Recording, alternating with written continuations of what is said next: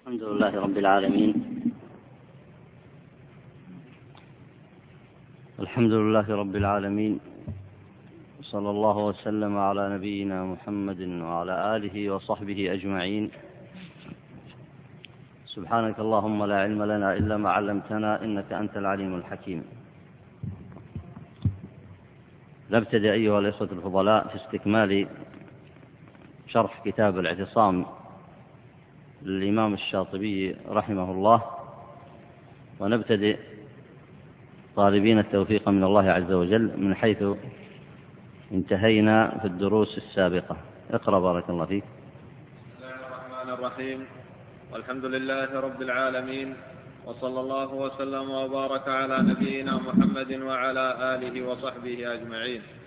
قال المصنف رحمه الله وقد وصف النبي صلى الله عليه وسلم الخوارج بهذا النوع من الخصال فقال إن من ضئضئ هذا قوما يقرؤون القرآن لا يتجاوز حناجرهم يقتلون أهل الإسلام ويدعون أهل الأوثان يمرقون من الدين كما يمرق السهم من الرمية. ولعل هؤلاء المرادون بقوله عليه الصلاة والسلام في حديث أبي هريرة رضي الله عنه يصبح الرجل مؤمنا ويمسي كافرا. الحديث يدل عليه تفسير الحسن قال يصبح محرما لدم أخيه وعرضه ويمسي مستحلا إلى آخره. أي نعم. آه، قد مضى معكم الكلام على فرقة الخوارج والفرق التي ظهرت في القرون بعد القرون المفضلة.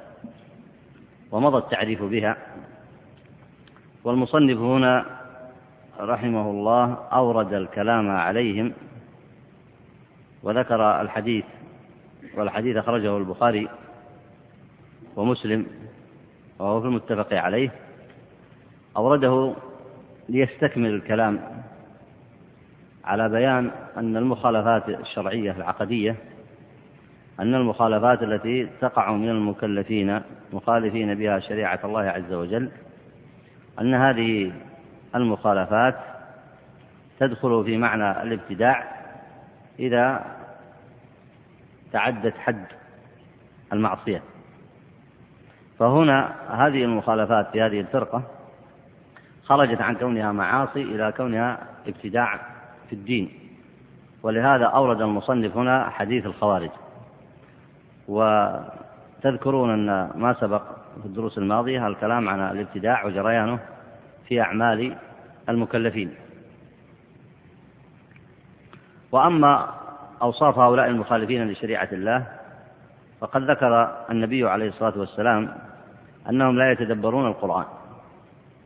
أنهم لا يتدبرون القرآن وهذا واضح في قول النبي عليه الصلاة والسلام لا يتجاوز حناجرهم. أي لا لا يتجاوز النطق ولا ولا يتجاوز الحناجر إلى الإدراك والتدبر والتفهم. ومن المخالفات التي يقومون بها قال يقتلون أهل الإسلام ويدعون أهل الأوثان. فالقتل في حد ذاته معصية لكن هنا أصبح منهجا عند هؤلاء. ومعنى هذا أنهم يدعون أهل الشرك وعبدة الأصنام ويقتلون أهل الإسلام.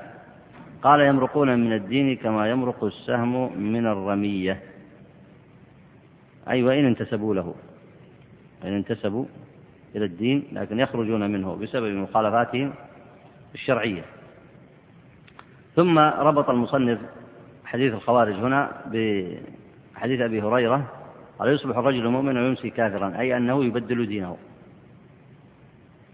وهذا صريح في الحديث يصبح الرجل مؤمنا أي على الإيمان والإسلام ويمسي كافرا أي بسبب ارتكابه للنواقض التي تنقض الإسلام. وهذا لا شك يدل على أن هذه المخالفات التي تقع تكثر وتصبح منهجا عند أمثال هؤلاء فينتقل الرجل من الإسلام إلى الكفر وهو لا يشعر. يصبح الرجل مؤمنا ويمسي كافرا. أي بهذه السرعة؟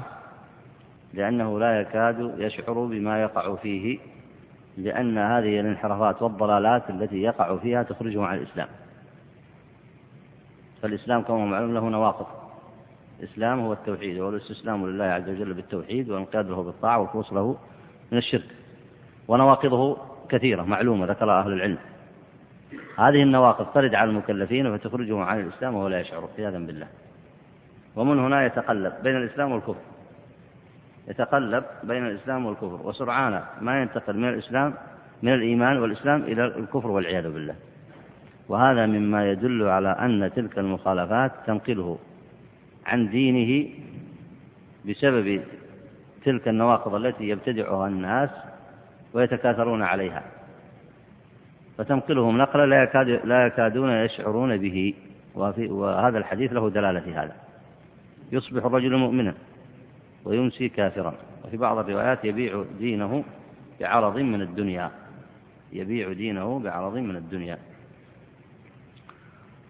ثم أيضا آه، ضم المصنف تفسير الحسن بهذا الحديث قال يصبح محرما لدم أخيه وعرضه ويمسي مستحلا. أي مستحلا للمحرمات. واستحلال المحرمات والمعاصي ينقل الإنسان من درجة العاصي إلى درجة الكفر أو إلى درجة الابتداع وكلها شر وكلها شر. أما إلى درجة الابتداع فكما في حديث الخوارج استحلال المحرمات.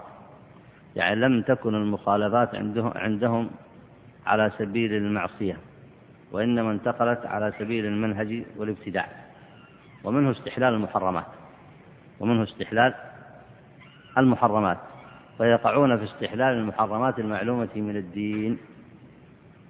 استحلال المحرمات المعلومة من الدين وهذا تفسير الحسن هنا قال يصبح محرما لدم أخيه وعرضه ويمسي مستحلا وسيضرب المصنف هنا مثالا سيضرب المصنف هنا مثالا لما ورد في حديث الخوارج. وقصده حتى نربط المسألة بالباب الذي نحن فيه قصده أن المخالفات تنتقل من مجرد المعاصي سواء كان في العبادات أو في المعاملات لتدخل إلى درجة الابتداع. وقد تصل والعياذ بالله إلى حد الكفر كما ورد في هذه الأحاديث كما ورد في هذه الأحاديث.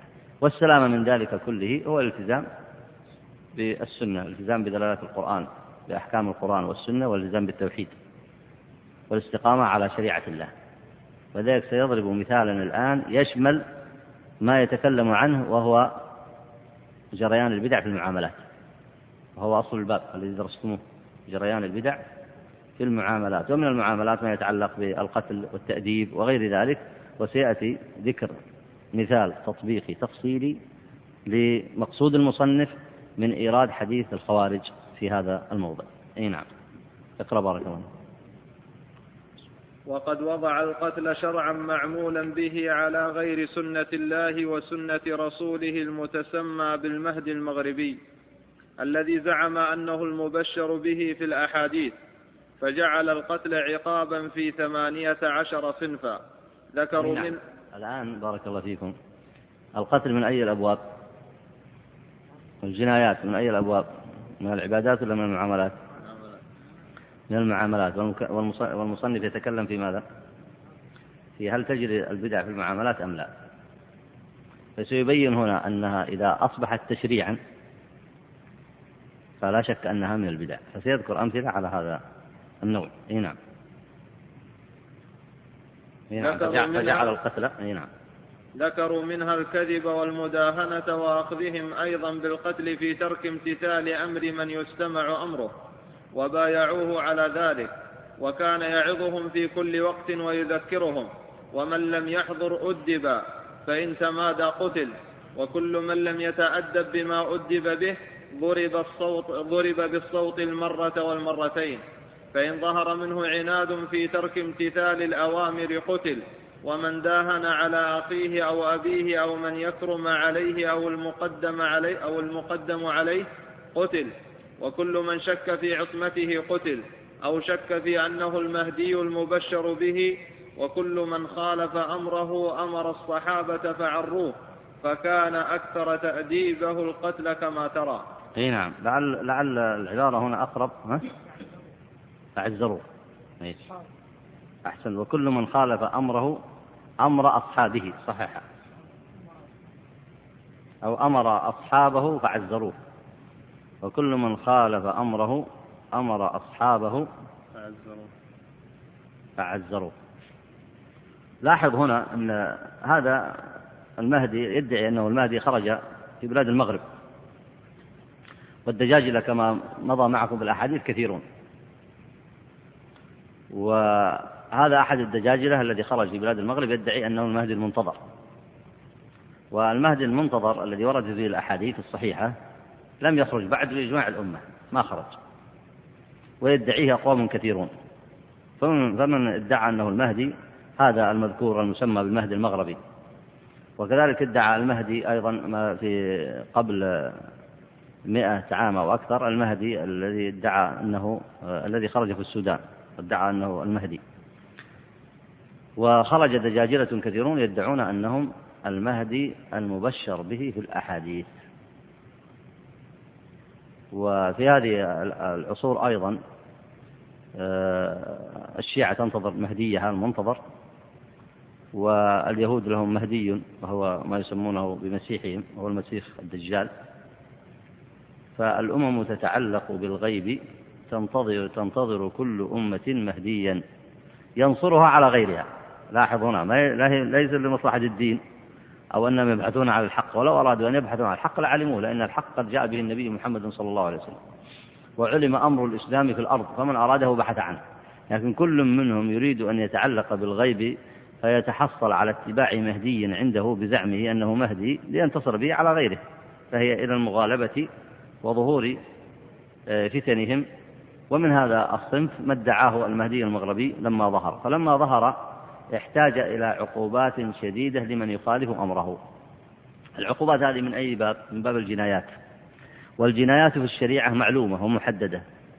فإن النفس لا تقتل إلا بنفس معصومة. النفس لا تقتل إلا بنفس معصومة.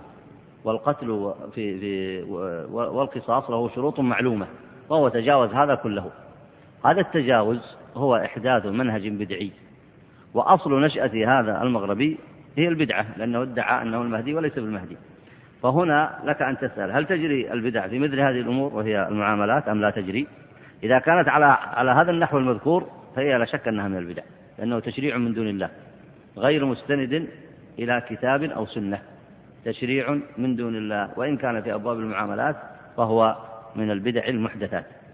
وأما الوقوف عند تفصيل هذه البدع الكثيرة التي ذكرها فلا حاجة لنا به.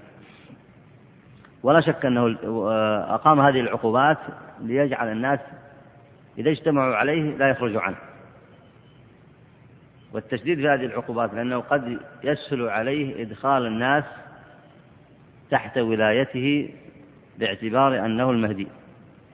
لكن يتبين لهم الأمر فماذا سيصنعون؟ سيتركونه. فإذا تركوه أو خالفوه شدد عليهم في العقوبة كما هو مذكور في هذا الجنس من العقوبات وأيضا ادعى العصمة. واعتبر كل من شك في عصمته أيضا يقتل. فالمصنف أورد هذا المثال ليبين أن هذا عمله من جنس عمل الخوارج. خرج على الناس آه، بهذه البدع والضلالات ودعا إلى الحكم بغير ما أنزل الله في مثل هذه الأعمال التي تتعلق بالجنايات وافترى أيضا على الله بأنه المهدي المنتظر ثم عاقب الناس بغير شريعة الله ثم عاقب الناس بغير شريعة الله فعمله من جنس الخوارج الذين ورد ذكرهم في الحديث وهي استحلال المحرمات والخروج عن شرائع الإسلام. أي نعم. كما أنه كان من رأيه ألا يصلي خلف إمام أو خطيب يأخذ أجرا على الإمامة أو الخطابة. وكذلك لبس الثياب الرفيعة وإن كانت حلالا. أي نعم لأن أصحاب البدع دائما يحلون بدعهم وأهواءهم بنوع من التلبس بالورع أو بالدين. وهذا من هذا النوع. يعني أراد أن, أن كأنه يقول للناس أنه لا يجوز أن يصلى خلف إمام خطيب يأخذ أجرا على الإمامة أو الخطابة. ولا شك هذا من تدريب أن هذا من تدريسه على الناس. لأن هذه مسألة فقهية وحكمها عند أهل العلم أنه إذا اشترط إذا قال لا أصلي بكم إلا بكذا وكذا فلا شك أن هذا لا يقوله إنسان آه، عدل. ولذلك لا تصح الصلاة خلفه. وأما إذا لم يشترط ورزق من بيت مال المسلمين مالا يعينه على أمر دنياه وعلى وظيفته هذه التي اختص بها وجعل له وجعل لها وقته. فلا شك أن هذا غير ممنوع. له أن يأخذ ذلك. إيه نعم. وقد حكوا عنه قبل أن يستفحل أمره أنه ترك الصلاة خلف خطيب أغمات بذلك السبب. فقدم خطيب آخر في ثياب حفيلة تباين التواضع زعموا فترك الصلاة خلفه أيضا. وكان من رأيه ترك الرأي واتباع مذاهب الظاهرية. قال العلماء وهو بدعة ظهرت في الشريعة بعد المئتين. ومن رأيه أن التمادي على ذرة من الباطل كالتمادي على الباطل كله. أي نعم. وهذا أيضا يؤكد آه، أو يبين حسن اختيار المصنف لهذا المثال. ليطبقه على حديث الخوارج. أن الخاصية المشتركة بينه وبين الخوارج بين المهدي المنتظر المزعوم هذا وبين الخوارج أنهم يسوون بين المعاصي فيسوون بين عبادة الأصنام وشرب الخمر. يسوون بين عبادة الأصنام وشرب الخمر ويسوون بين أنواع الكفر والشرك والكذب. وأشك أن هذه التسوية باطلة. فهذا المهدي يرى أن التمادي على ذرة من الباطل كالتمادي على الباطل كله ولا شك أن هذا قياس فاسد. لأن المسلم الموحد صاحب التوحيد الذي يبتعد عن الكفر والشرك ويقيم أركان الإسلام قد يقع في شيء من الباطل وقد يقع في المعصية. فالخوارج لما رأوا أنه يقع في المعصية سووا بين هذا وبين الكفر فاعتبروا إتيان المعصية التي دون الكفر جعلوها كفرا وجعلوا الكذب كفرا. وجعلوا الزنا كفرا وجعلوا القتل كفرا قتل النفس. ولا شك أن هذا من من فساد اعتقادهم. فهذا المزعوم بأنه المهدي المغربي ساوى بين قليل الباطل أي الخطأ الصغير ساوى بينه وبين الكفر والشرك والخطأ الكبير. فلا شك أن جنسه هذا بسبب الجهل بالدين بسبب الجهل بالدين والكذب والافتراء على الله. وفعله هذا من جنس فعل الخوارج. الذي ابتدأ المصنف هذا الباب بذكر حديثهم أما ما أشار له من مذهب الظاهرية فلعل الشاطبي يقصد أن الشاطبية في بعض الأبواب كنفيهم القياس قد خالفوا الإجماع. الظاهرية هم أتباع داود الظاهري. ومنهم ابن حزم رحمه الله ورحمهم الله جميعا وكتابه المشهور كتاب المحلى وهو ذهب إلى نفي القياس. مخالفا في ذلك عمل الصحابة والتابعين ومن بعدهم. مخالفا في ذلك إجماع الأمة وتأول في ذلك ورد العلماء قوله واعتبروه أن قوله في نفي القياس محدث. ونفي القياس كله من جميع وجوهه لا شك أنه محدث لأنه ثبت عن النبي عليه الصلاة والسلام أنه قاس مئة قياس. وقد أثبت ذلك الإمام ابن الناصح الحنبلي في كتاب له معروف باسم أقيسة النبي عليه الصلاة والسلام. ذكر مئة قياس للنبي عليه الصلاة والسلام. فإذا نفى الإنسان القياس فإنه قد يقع في أغلاط بادئ الرأي وهو لا يشعر بها أو يتعجل في مسألة دون أن يدرك حقيقتها. وهذا وجه الاشتراك الذي ذكره. ولهذا اتبع المهد المغربي اتبع مذهب الظاهرية. ونقول هنا لو أنه التزم مذهب الظاهرية لم يكن شأنه كما قال الشاطبي عنه هنا. يعني لم يكن شأن المهد المغربي أنه يفتري على الله لأن الظاهرية أهل دين أهل دين وأهل فضل وأهل سنة وهم معروفون بذلك ولهم كتب. وهم إن نفوا القياس لكنهم منزلتهم في الدين وعملهم بالإسلام. وما كتبه الإمام ابن حزم المحلى وغيره مما يعرف. وهو إمام من أئمة المسلمين. فلو أنه التزم مذهبهم حقيقة لم يكن صنيعه هذا الذي صنع. لكنه أراد أن ينتسب إليهم ليغر أو ليغر بهم العامة. لأن هذا المذهب ينتشر في بلاد الأندلس. مذهب الظاهرية ينتشر في بلاد الأندلس فأراد أن يتبعه لما أشار إليه الشاطبي في هذا الموضع وللتغرير بالعامة. أي نعم. وذكر في كتاب الإمامة أنه هو الإمام وأصحابه هم هم الغرباء الذين قيل فيهم بدا الإسلام غريبا وسيعود غريبا كما بدا فطوبى للغرباء. وقال في الكتاب المذكور جاء الله بالمهدي وطاعته صافية نقية لم ير مثلها قبل ولا بعد وأن به قامت السماوات والأرض وبه تقوم. ولا ضد له ولا مثل ولا ند. انتهى. هذا لم يقل به أحد من علماء المسلمين. لم يقل أن المهد المنتظر الذي في الأحاديث الصحيحة أنه به تقوم السماوات والأرض وأنه لا ضد ولا مثل ولا ند له. ولم يعتقد أحد من المسلمين في المهد المنتظر أنه معصوم. لكن اعتقدوا أن الله يصلحه كما ورد في الحديث أن الله يصلحه في ليلة وأنه إمام عدل ينشر الله به الحق والعدل في الأرض. لكن ما حد لم لم يقل أحد أنه مثل الأنبياء في العصمة. فضلا أن يقول أحد أنه لا ضد له ولا مثل ولا ند. لكن هذا من جنس اعتقادات الباطنية والروافض. لأنهم أصلا هم يعتقدون في أئمتهم العصمة. والمهدي المنتظر هو من المقدمين في أئمتهم. هم ينتظرونه بزعمهم. ولا شك أن لأجل اعتقاداتهم الفاسدة يعتقدون في المهدي المنتظر هذه الاعتقادات. فأنتم تلاحظون هنا أنهم يتكلمون عن المهدي خارج عقيدة أهل السنة والجماعة ويتكلمون عن صفات المهدي بعيدا عن الإسلام. لأن لم يقل أحد من المسلمين أن المهدي المنتظر لا ند له ولا مثيل به إقامة السماوات والأرض. لكن هذا من جنس اعتقادهم في الأولياء. لاحظ هنا. لأن المهدي المنتظر عندهم هم هو من أوليائهم بزعمهم. فما هو اعتقادهم في الأولياء هم؟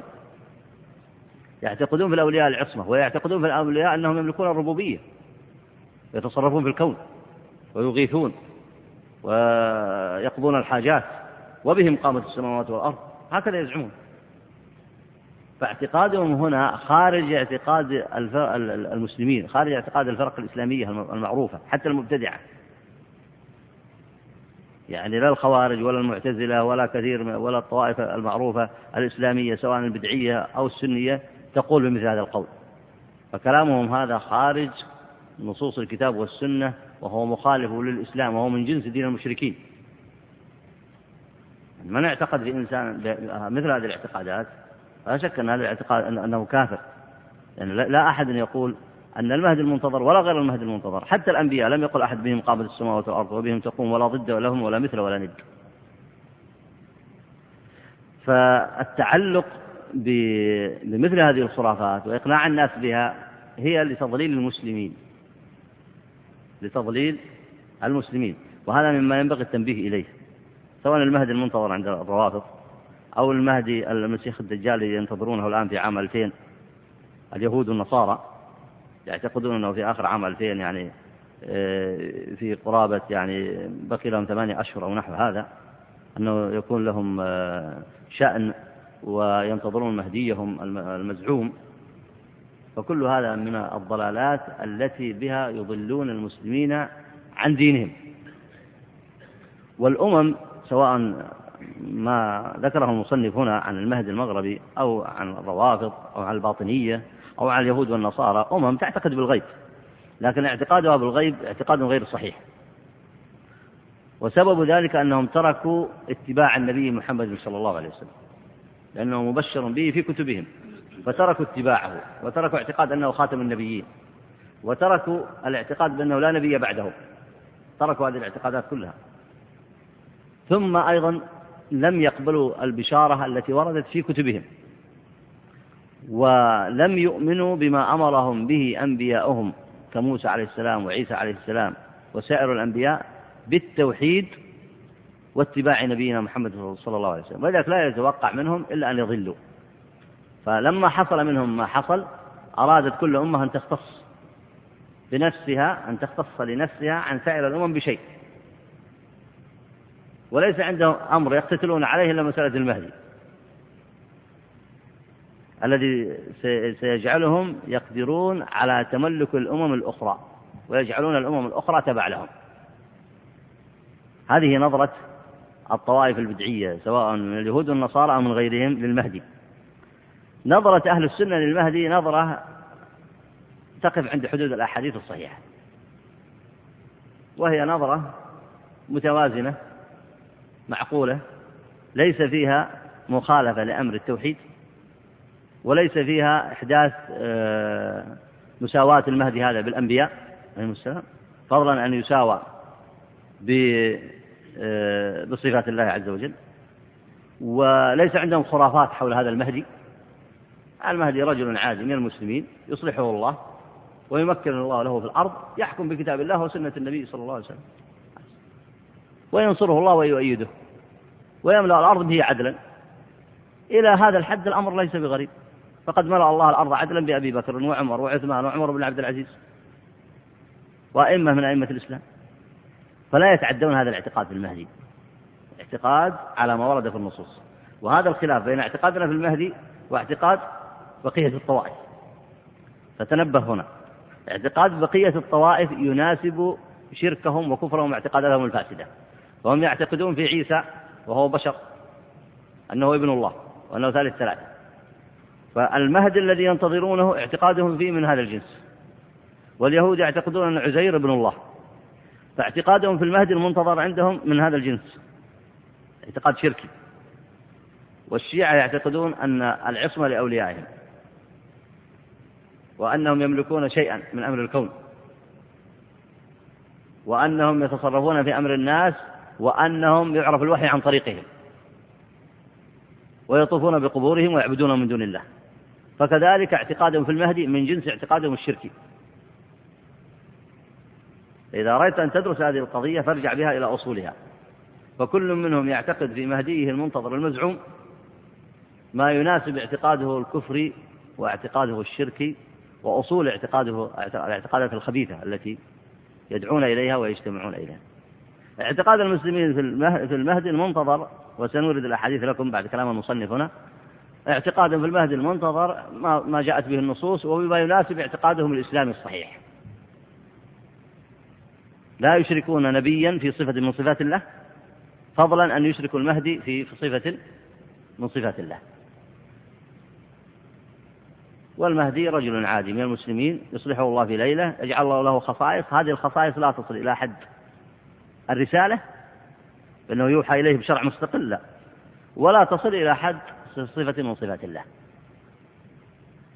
فهذا الفرق بين اعتقاد المسلمين أهل السنة في المهدي واعتقاد الكفار من اليهود والنصارى في مهديهم المنتظر واعتقاد بقية الطوائف الضالة في مهديهم المنتظر. اقرأ بارك الله وكذب فالمهدي عيسى عليه السلام وكان يأمرهم بلزوم الحزب بعد صلاة الصبح وبعد المغرب. نعم قال هنا الشاطبي وكذب فالمهدي عيسى عليه السلام. يعني المهدي آه هداية هداية عصمة مطلقة هو عيسى عليه السلام. فمن فسر كلام الشاطبي بهذا واعتمد على كلامه في الموافقات في إثبات المهدي سيصير عندنا قضيتين أن الشاطبي يثبت المهدي المنتظر الذي ورد في الأحاديث وكلامه هنا المقصود المهدي مهدي هداية كاملة كهداية الأنبياء هو عيسى عليه السلام والذي يخرج في آخر الزمان. وهو قرين خروجه بالمهدي. يعني بعد ما يخرج المهدي المنتظر الذي ورد في الأحاديث يخرج عيسى عليه السلام. فأراد الشاطبي أن يشير إلى هذا المعنى. وأما كلامه في الموافقات فصريح. كلامه في الموافقات ولعلنا نورده بعد ذلك في إثبات أو الإشارة إلى الأحاديث التي وردت في المهدي. أما اعتقاد أهل السنة والجماعة في المهدي فنورد لكم الأحاديث وسيظهر لكم من الأحاديث أنه أن نظرتهم إليه نظرة صحيحة تناسب ما عليه أهل السنة من التوحيد ومعرفة الاعتقاد الصحيح. لا يتجاوزون الحد الذي أمرهم الله به فلا يغلون في أحد ولا يمنحون صفة الصفة المذكورة هنا للمهدي لأي أحد أيضا. لا يغلون في أحد ولا يمنحون الصفات هذه لأي أحد لأن الصفات هذه لا يعلم بها إلا الله. فالمهدي يحتاج أن يخرج فإذا ظهر أمره وظهر عدله واجتمعت فيه الصفات عرفه الناس. لكن ليس كل من يدعي أنه مهدي يقبل كلامه. لكن هذا يثبته الواقع. يثبته الواقع. إذا خرج وانتصر وظهر عدله وظهرت صفاته فحينئذ لا يختلف فيه اثنان. لكن كل ليس كل من ادعى أنه المهدي يقبل قوله. من الأحاديث حديث أبي سعيد. طبعا الأحاديث المذكورة أكثرها في السنن في مسند الحاكم وغيره وأصلها في الصحيحين. أصلها في الصحيحين. ولنبدأ بما ورد في الصحيحين من حديث أبي هريرة. قال النبي عليه الصلاة والسلام كيف أنتم إذا نزل ابن مريم فيكم وإمامكم منكم؟ هذا الحديث الصحيحين. هذا الحديث في صحيح البخاري باب نزول عيسى بن مريم عليه السلام وصحيح مسلم. فلاحظ هنا وإمامكم منكم إشارة إلى من؟ إلى المهدي الذي يظهر بالحق ويجتمع الناس عليه ويملأ الأرض عدلا. لكن متى يظهر؟ الله أعلم. ليس في الأحاديث تحديد للوقت شوف ليس. ما هو مثل اللي كتب عمر أمة الإسلام يمكن الكتاب أن انتشر بين الناس بآلاف مؤلفة يأتون بالأحاديث صحيح هم ظاهر كلامهم يتكلمون بالأحاديث لكن هل في الأحاديث تحديد مدة؟ ولذلك حدد في كتاب عمر أمة الإسلام حدد أظن 1998 وراحت سنة 1998 وما خرج وما انتهت عمر أمة الإسلام ولم يخرج المهدي. فمثل هذه التحديدات باطلة لا دليل عليها من الكتاب والسنة. وكما سنذكر لكم الأحاديث. الأحاديث كلها مجتمعة على بيان صفات معلومة طبيعية وليس فيها آه، أمر يتصل بخرافة من الخرافات أو بخاصية من الخصائص ليست موجودة آه، من خصائص الأنبياء أو من خصائص الذات الإلهية كما تعتقد الفرق الباطلة. وحديث جابر بن عبد الله رضي الله عنهما قال سمعت رسول الله صلى الله عليه وسلم يقول لا تزال طائفة من أمتي يقاتلون على الحق ظاهرين إلى يوم القيامة. قال فينزل عيسى بن مريم فيقول أميرهم تعال صل لنا. فيقول لا إن بعضكم على بعض أمراء. تكرمة, تكرمة الله هذه الأمة. فهذا الحديث أيضا يدل على ما يتعلق بظهور المهدي في آخر الزمان. وحديث جابر أيضا بن عبد الله أيضا في الصحيح. قال رسول الله صلى الله عليه وسلم يكون في آخر أمتي خليفة يحتي المال حتيا لا يعده عدا. اعتبر العلماء أن هذه الأحاديث في الصحيح. وإن لم يرد فيها ذكر المهدي صريحا باسمه المهدي المنتظر أو اسمه كذا إلا أنه يدل على أن خروجه قبل خروج عيسى عليه السلام وأنه التي وردت فيه الأحاديث الصحيحة التي وردت في السنن والمسانيد. ومنها حديث أبي سعيد الخدري رضي الله عنه أن رسول الله صلى الله عليه وسلم قال يخرج في آخر أمة المهدي يسقيه الله الغيث وتخرج الأرض نباتها ويعطي المال صحاحا وتكثر الماشية وتعظم الأم وتكثر الماشية يعيش سبعا أو ثمانيا يعني حججا. وعنه رضي الله عنه قال قال رسول الله صلى الله عليه وسلم أبشركم بالمهدي يبعث على اختلاف من الناس وزلزال فيملأ الأرض قسطا وعدلا كما ملئت جورا وظلما. يرضى عنه ساكن السماء وساكن الأرض يقسم المال صحاحا. فقال له رجل ما صحاحا؟ قال بالسوية بين الناس. قال ويملأ الله قلوب أمة محمد صلى الله عليه وسلم غنى ويسعهم عدله. ومن الأحاديث الصحيحة في هذا حديث علي رضي الله عنه قال قال رسول الله صلى الله عليه وسلم المهدي منا أهل البيت يصلحه الله في ليلة. قال ابن كثير أن يتوب عليه ويوفقه ويلهمه ويرشده بعد أن لم يكن كذلك. وحديث أبي سعيد الخدري رضي الله عنه قال قال رسول الله صلى الله عليه وسلم المهدي مني أجل الجبهة أقنى الأنف يملأ الأرض قسطا وعدلا كما ملئت ظلما وجورا يملك, يملك سبع سنين. وعن أم سلمة رضي الله عنها قالت سمعت رسول الله صلى الله عليه وسلم يقول المهدي من عترتي من ولد فاطمة. وعن جابر رضي الله عنه قال قال رسول الله صلى الله عليه وسلم ينزل عيسى بن مريم فيقول أميرهم المهدي تعال صل بنا. فهذا إذا قرنته مع الحديث الذي في الصحيح يبين معنى أميركم منكم. فيقول أميرهم المهدي تعال صل بنا. فيقول لا إن بعضهم أمير بعض تكريمة الله لهذه الأمة. وأيضا حديث أبي سعيد الخدري رضي الله عنه قال قال رسول الله صلى الله عليه وسلم منا الذي يصلي عيسى بن مريم خلفه. وعن عبد الله بن مسعود رضي الله عنه قال قال رسول الله صلى الله عليه وسلم لا تذهب أولا تنقضي الدنيا حتى يملك العرب رجل من أهل حتى يملك العرب رجل من أهل بيتي يواطئ اسمي اسمه اسمي. وفي رواية يواطئ اسمه اسمي واسم أبيه اسم أبي. فهذه الأحاديث التي في الصحيح وفي في المسانيد وفي السنن كلها استدل بها أهل السنة على خروج المهدي المنتظر في آخر الزمان. لكن كما تلاحظون أن الأحاديث ليس فيها أي شيء يتعلق بأن لهذا المهدي صفة خارقة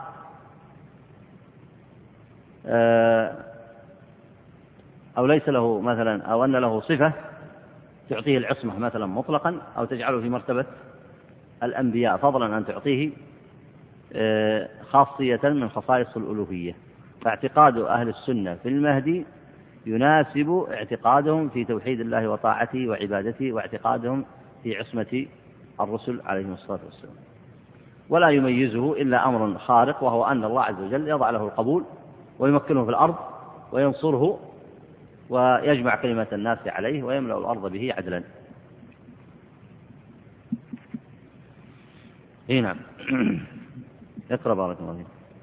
وكان يأمرهم بلزوم الحزب بعد صلاة الصبح وبعد المغرب فأمر المؤذنين إذا طلع الفجر أن ينادوا أصبح ولله الحمد.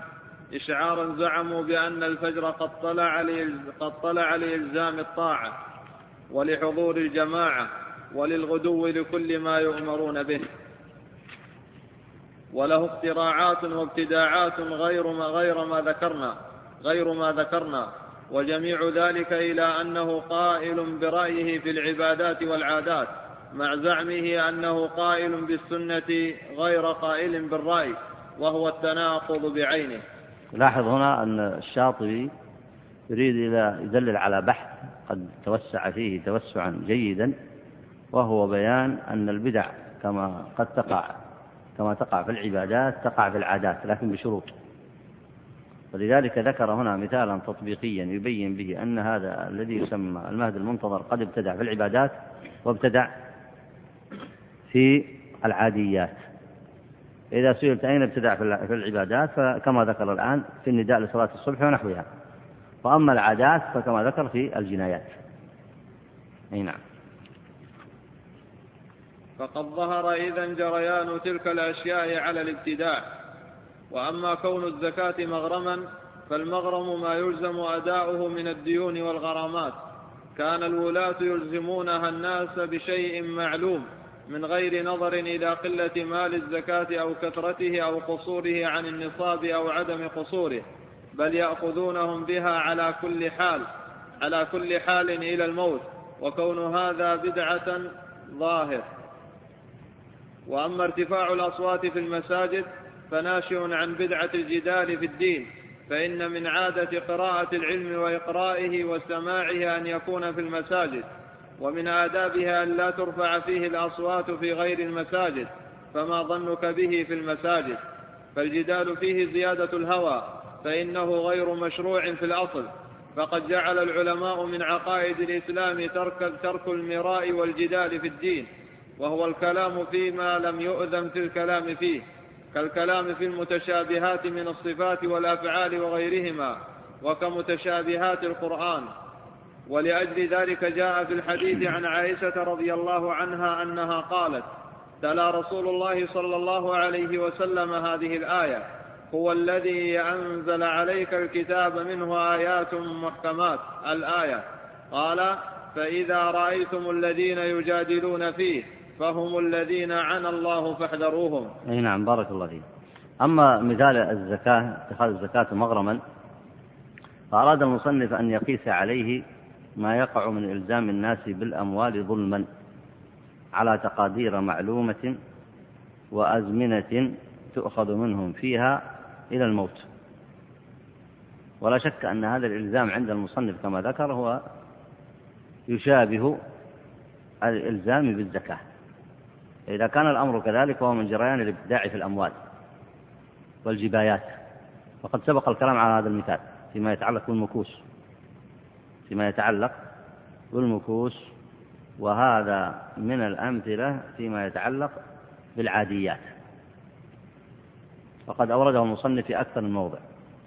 وقال فإذا أشبه الأمر في أخذ الأموال والمظالم ما يشبه أخذ الزكوات على وجه التقدير وأخذ الأموال بمسمى الشرعية ونحو ذلك فإن هذا من الابتداع وإن لم يكن من في أبواب العبادات. ثم انتقل إلى مثال آخر وهو ارتفاع الأصوات في المساجد. وربطه ببدعة الجدال في الدين. والجدال كما تعلمون نوعان جدال محمود وجدال مذموم. أما الجدال المحمود فهو الذي ذكره الله في كتابه في قوله تعالى ولا تجادلوا أهل الكتاب إلا بالتي هي أحسن. إلا الذين ظلموا منهم. فجعل الجدال الأصل فيه أن يكون بالحسنى.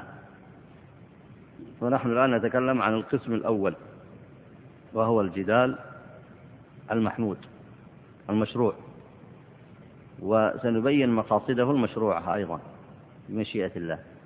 أما الأول وهو القسم الأول فهو الجدال بالتي هي أحسن أي بكتاب الله وسنة النبي عليه الصلاة والسلام في حسن بيان وتلطف وحسن تعليم. هذا معنى بالتي هي أحسن. فأحسن القول ما ورد في كتاب الله وسنة النبي عليه الصلاة والسلام.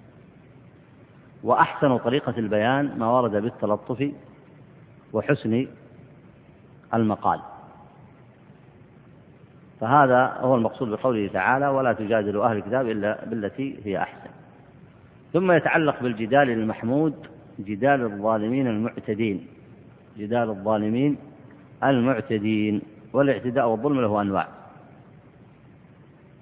الاعتداء والظلم قد يكون بالبدع قد يكون بالتعدي على حقوق الآخرين وقد يكون بالإفساد في الأرض. أنواع كثيرة.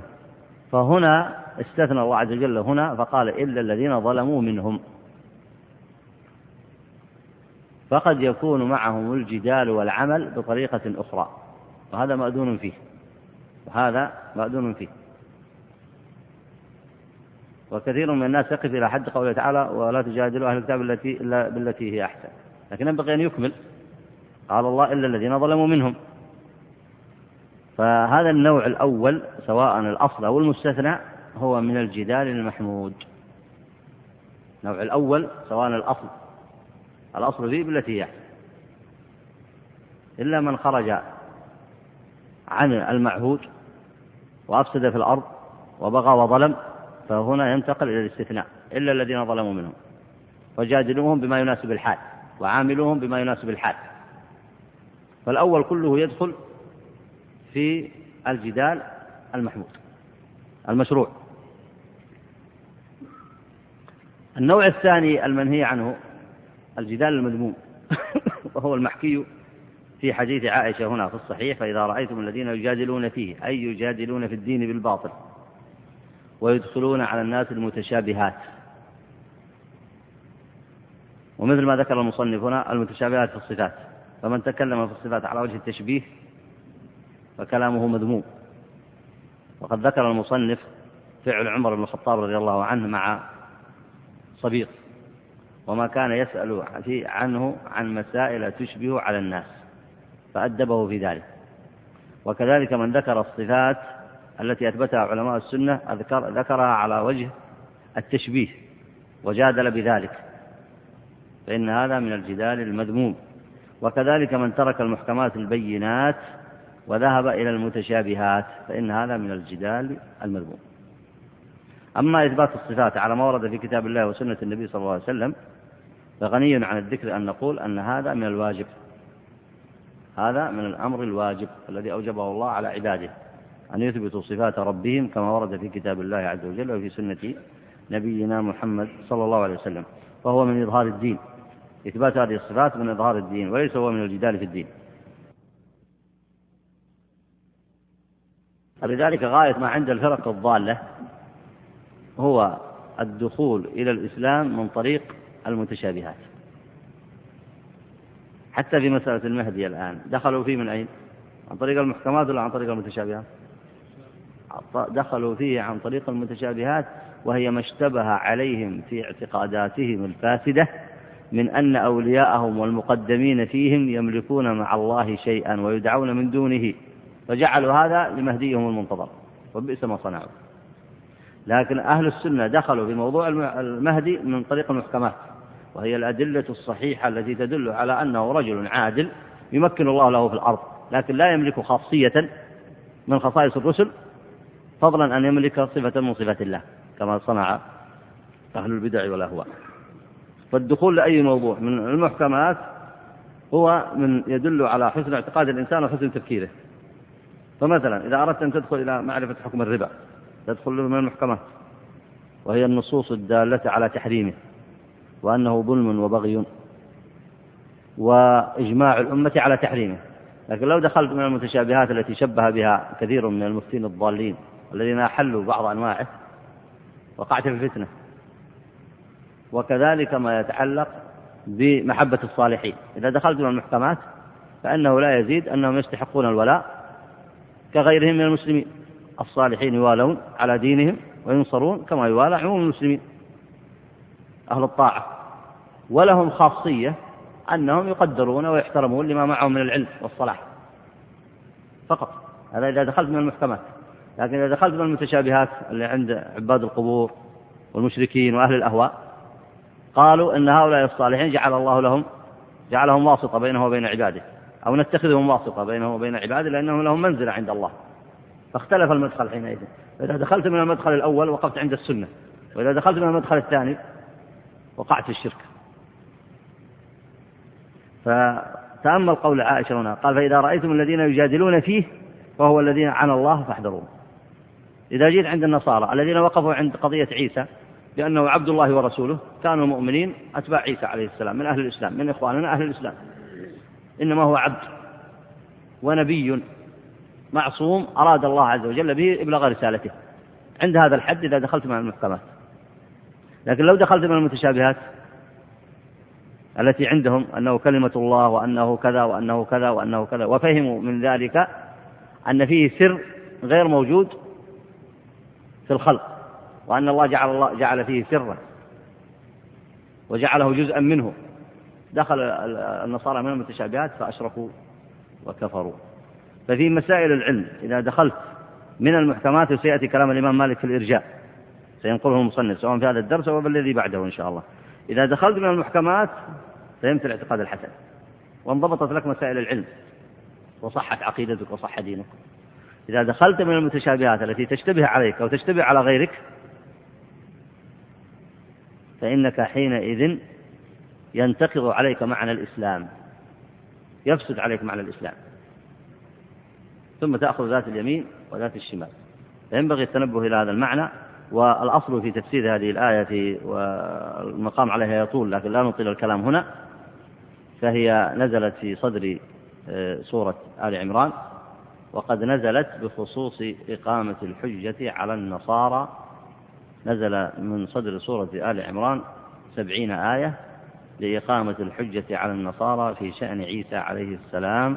لأنهم دخلوا في معرفته من طريق المتشابهات وتركوا المحكمات البينات الواضحات. نعم. وفي الحديث ما ضل قوم بعد هدى إلا أوتوا الجدل وجاء عنه عليه السلام أنه قال لا تماروا في القرآن فإن المراء فيه كفر. إي نعم. لاحظ هنا هذا الأصل ما ضل قوم بعد هدى إلا أوتوا الجدل. والحديث أخرجه الترمذي بإسناد حسن. لو أردت أن تطبق هذا الحديث على واقع الناس في العالم الإسلامي لفهمت معناه بصورة واضحة. الدين مبني على محكمات أساسيات. توحيد الله وطاعته وعبادته. وصرف العبادة له دون سواه. واتباع رسله وقبول شرائعه والتحاكم إليها. وتحريم التشريع من دونه. وتحريم صرف العبادة لغيره سبحانه وتعالى وإقامة أركان الإسلام من الصلاة والزكاة والصيام والحج ثم تحريم المحرمات المعلومة من الدين كالربا والزنا وسائر الفواحش ما ظهر منها وما بطن. والولاء لله ورسوله والمؤمنين وبغض الكفار والحذر منهم ومناهجهم وأفكارهم.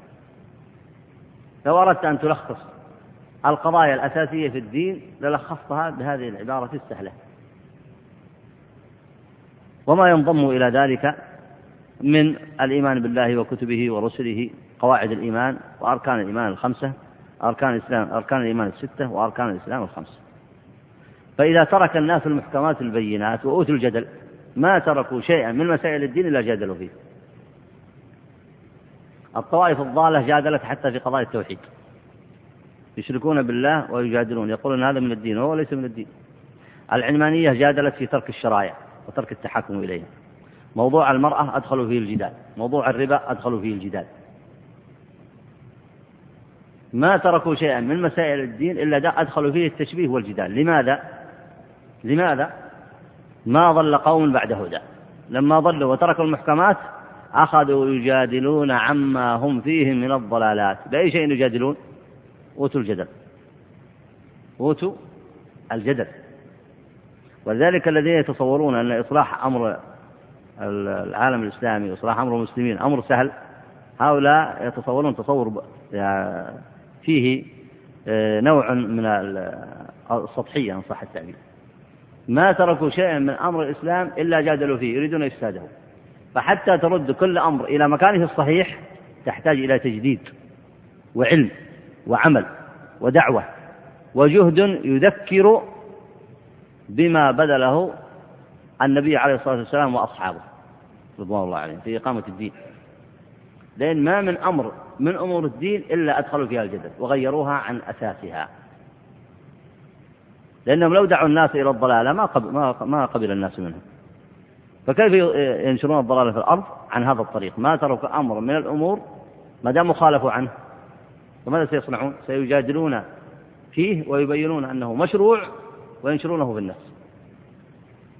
ولذلك ما من انحراف في العالم الإسلامي إلا تجد هناك من يدافع عنه ومن يدعي له الشرعية ومن آه، يدخله في التأويلات الفاسدة.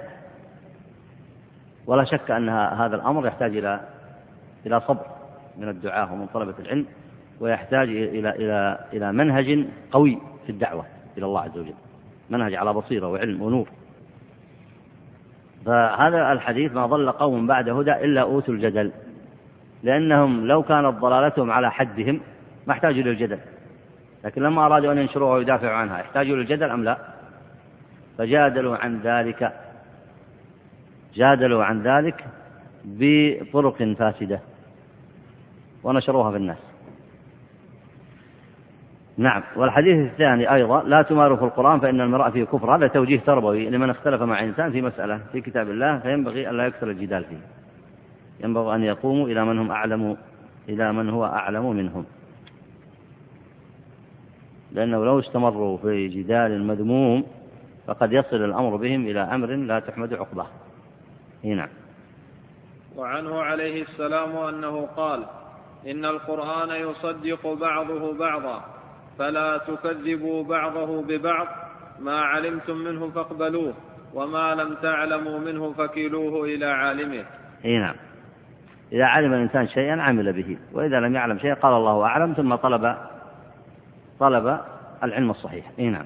وقال عليه السلام اقرأوا القرآن ما ائتلفت عليه قلوبكم فإذا اختلفت فيه فقوموا عنه. هذا في الصحيحين أخرجه البخاري ومسلم. وهذا فيه توجيه قوي توجيه تربوي إلى أن الإنسان إذا اختلف مع أخيه في مسألة في كتاب الله فينبغي ألا يؤدي هذا الاختلاف بينه إلى إلى تفارق القلوب. بل ينبغي أن يحفظوا أنفسهم من كيد الشيطان. فيقومون عما اختلفوا فيه ليبحثوا عن علم صحيح بين عند غيرهما يستدلون به على الحق بإذن الله. والأمر يسير. لو رجعوا إلى كتب التفسير لو رجعوا إلى أهل العلم لوجدوا ما يرفع الإشكال. هنا. وخرج ابن وهب عن معاوية بن قرة قال إياكم والخصومات في الدين فإنها تحبط الأعمال. وقال النخعي في قوله تعالى وألقينا بينهم العداوة والبغضاء قال الجدال والخصومات في الدين وقال معن بن عيسى انصرف مالك يوما إلى المسجد وهو متكئ على يدي على يدي على يدي على يدي أي نعم. يعني على يدي معن بن عيسى. على يدي فلحقه رجل يقال له أبو الجديرة يتهم بالإرجاء. فقال يا أبا عبد الله اسمع مني شيئا أكلمك به وأحاجك وأخبرك برأيي. فقال له احذر أن أشهد عليك. أن أشهد عليك. أن أشهد عليك. قال والله ما أريد إلا الحق اسمع مني فإن كان صوابا فقل به أو فتكلم. قال فإن غلبتني قال اتبعني. قال فإن غلبتك قال اتبعتك. قال فإن جاء رجل فكلمناه فغلبنا. قال اتبعناه. فقال له مالك يا عبد الله؟ بعث الله محمدا بدين واحد وأراك تنتقل. نعم. آه لعل من المناسب أن ندع الحديث عن الإرجاء إلى درس مستقل إن شاء الله. ونستكمل هذا الموضوع عند الإمام الشاطبي. ونورد كلام أهل العلم في مسألة الإيمان والإرجاء ونستكمل هذا البحث إن شاء الله في الدرس القادم بمشيئة الله تعالى. ونكتفي بهذا وصلى الله وسلم على نبينا محمد وعلى آله وصحبه أجمعين.